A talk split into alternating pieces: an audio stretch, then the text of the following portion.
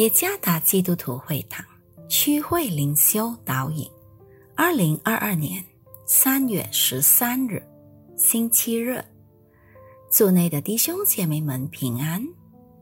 今天的灵修导引，我们将会借着圣经马可福音第十章四十二到四十五节来思想今天的主题：甘心牺牲。作者余日新牧师，马可福音第十章第四十二节，耶稣叫他们来，对他们说：“你们知道，外邦人有尊为君王的，治理他们；有大臣超权管束他们。只是在你们中间不是这样。”你们中间谁愿为大，就必做你们的用人；在你们中间谁愿为首，就必做众人的仆人。因为人子来，并不是要受人的服侍，乃是要服侍人，并且要舍命做多人的赎价。倘若上帝就是爱。他为何不就那样赦免罪人呢？耶稣为何需要经历苦难以至于死呢？他为何要成为赎罪祭呢？你们是否知道，改变生活的真爱就是一种代替的牺牲？倘若您跟一些正常人交往，您是平安无事的。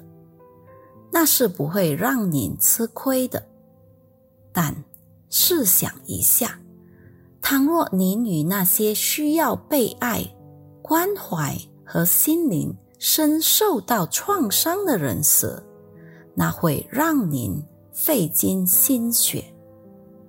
因此，真正的治愈不仅需要激励人心的话，还需要付出代价来。伴随和治愈那个人，其实外面那儿有许许多多受伤的人，他们都沉浸在负面的情绪中，心灵创伤和绝望，确实需要被爱。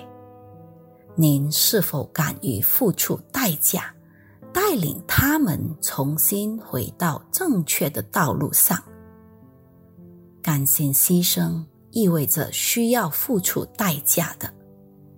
修复已损坏的东西，不能单单只用一个词语而已，而是需要付出高昂的代价。在一个追求成就和声望的世界里，牺牲是件愚蠢之事。使用肌肉的力量来修复某些东西。看起来很快就会起作用，然而它却不能耐久，也不坚固。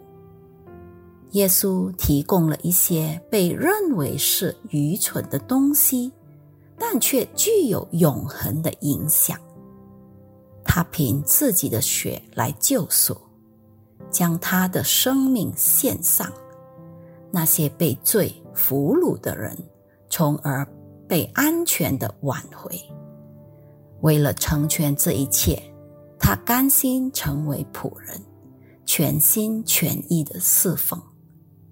他被鄙视和嘲笑，然而他依然坚强不屈，因为他知道他所成就的更为尊贵和荣耀。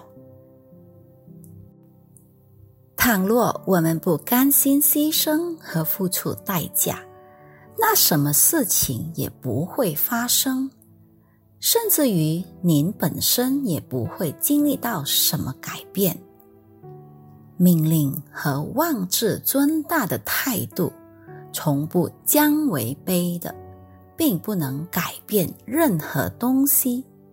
唯有当您自愿被改变时，变化就立即发生，而这一切都始于甘心牺牲。甘心牺牲将会带来真正的改变。愿上帝赐福于大家。